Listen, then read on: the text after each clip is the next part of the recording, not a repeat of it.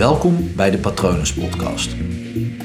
Mijn naam is Paul Vet en in deze podcast deel ik inspiratie voor een leven vol vrijheid en verbinding.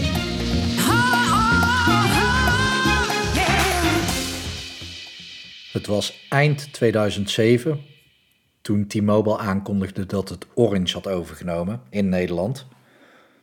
Uh, Orange was toen een telecomprovider. Misschien herinner je het nog, misschien ook niet. En er waren twee belangrijke redenen om Orange over te nemen. Eén was het netwerk en twee was namelijk uh, natuurlijk de klanten, de klantenbase. maar het netwerk was best wel een belangrijke factor daarin. Omdat T-Mobile die, um, die had alleen frequenties in hun bezit die wat hoger wa waren in het aantal hertz. Volgens mij uit mijn hoofd 1700, 1800, 1900. En Orange had de 800 hertz, die band in bezit. En um, nou ja, voor een uh, mobiele provider, mobiele telefoonprovider, is belangrijk om goed bereik te hebben natuurlijk. en je kan het zo zien dat de hoge aantal, de, de bandfrequentie van zeg 1700, dat is een hele snelle golf. Dus die heeft een, een verre rijkwijde. Maar op het moment dat er dan muren of bomen tussen staan, dan wordt dat makkelijk tegengehouden, dat signaal. En Orange had dan de 800 frequentie. En uh, ja, die komt dus makkelijker binnen bij mensen. En ehm, KPN had bijvoorbeeld het 900 frequentie uit mijn hoofd. Dus dat zat in de buurt, dat was prima.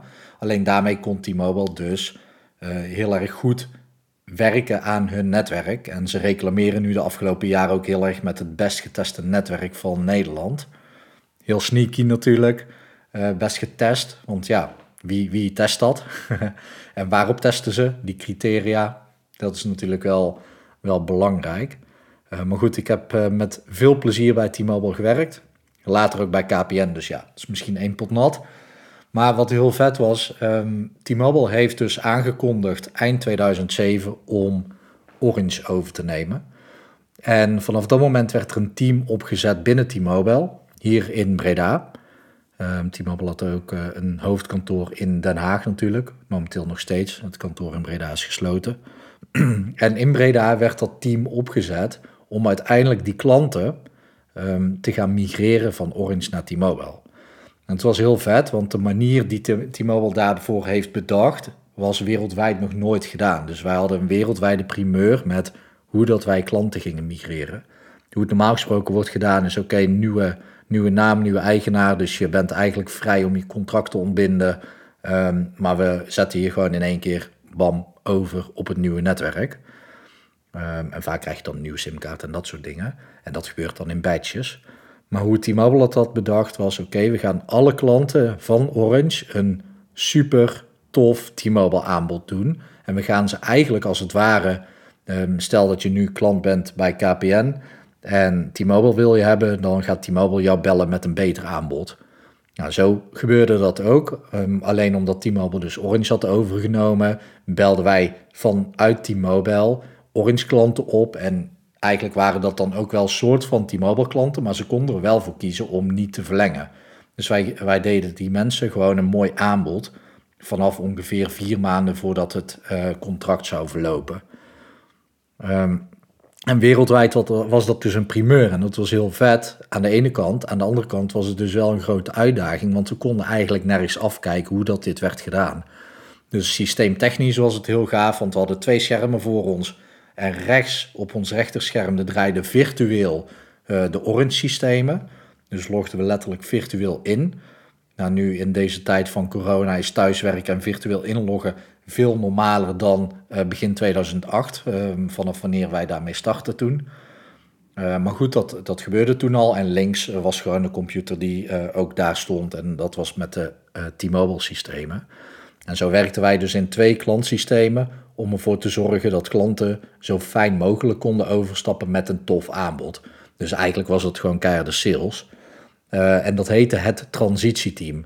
En dat hele team werd opgebouwd om ervoor te zorgen dat klanten als een warm bad, eh, of een warm bad kregen, een warm welkom kregen bij T-Mobile. En ja, wat ik zeg, er was gewoon geen voorbeeld, was nog nooit gedaan, dus wij moesten alles zelf uitvinden. En hoe je daar dan mee omgaat is, ik weet niet wie dat ooit heeft bedacht, die slogan, maar elke dag een beetje beter.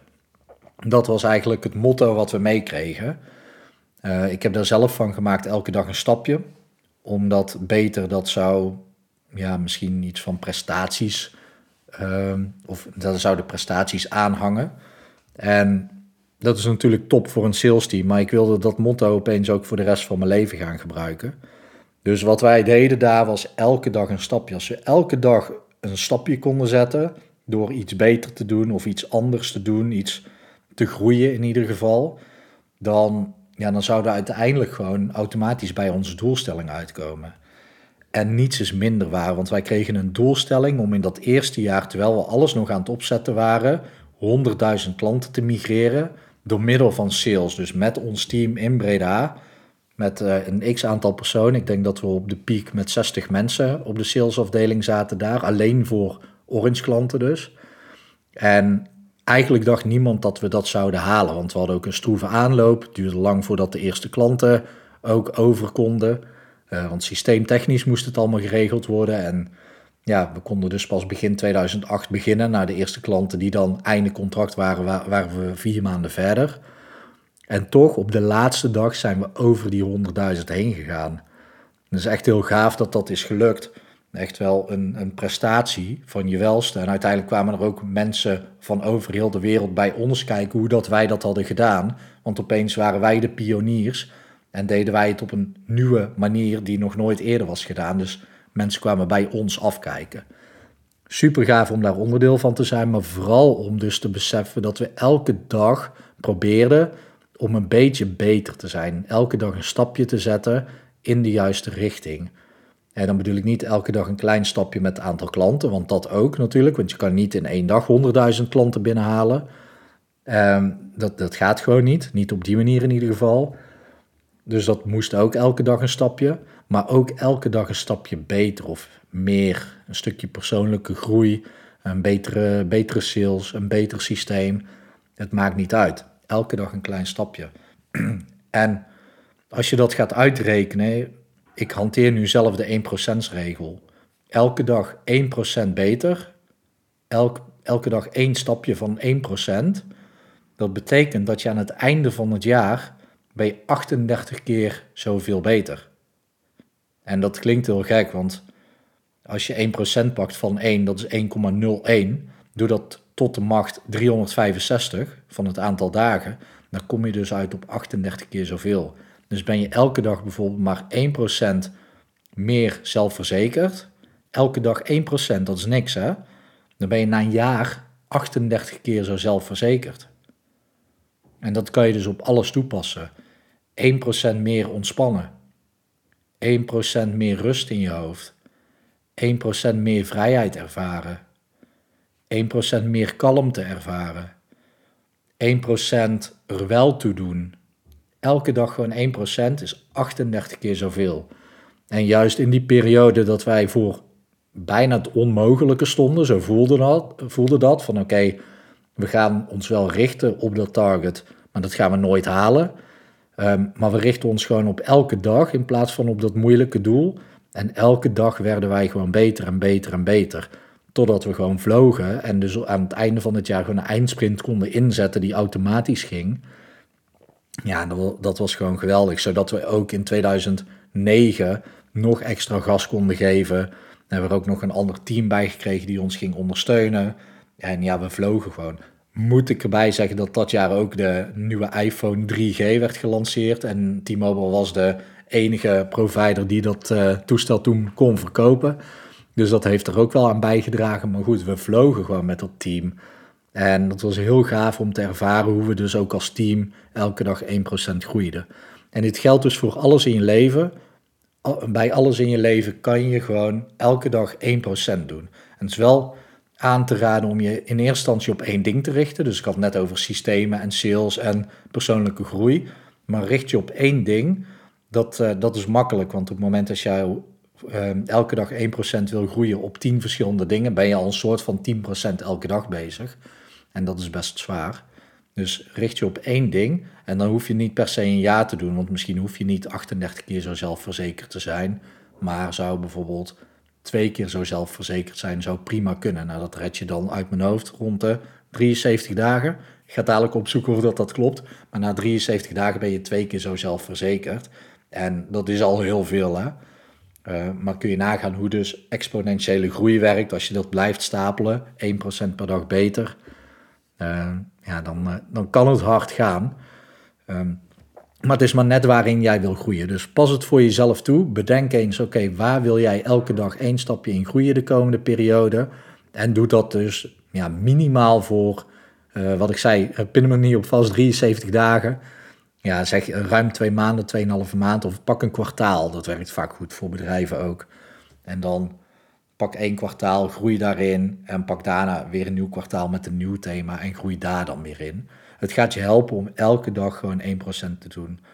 Lekker trainen. Ik, ik zeg ook altijd train voor je geluk. Uh, train je mind, train je, train je mindset, train je lijf natuurlijk.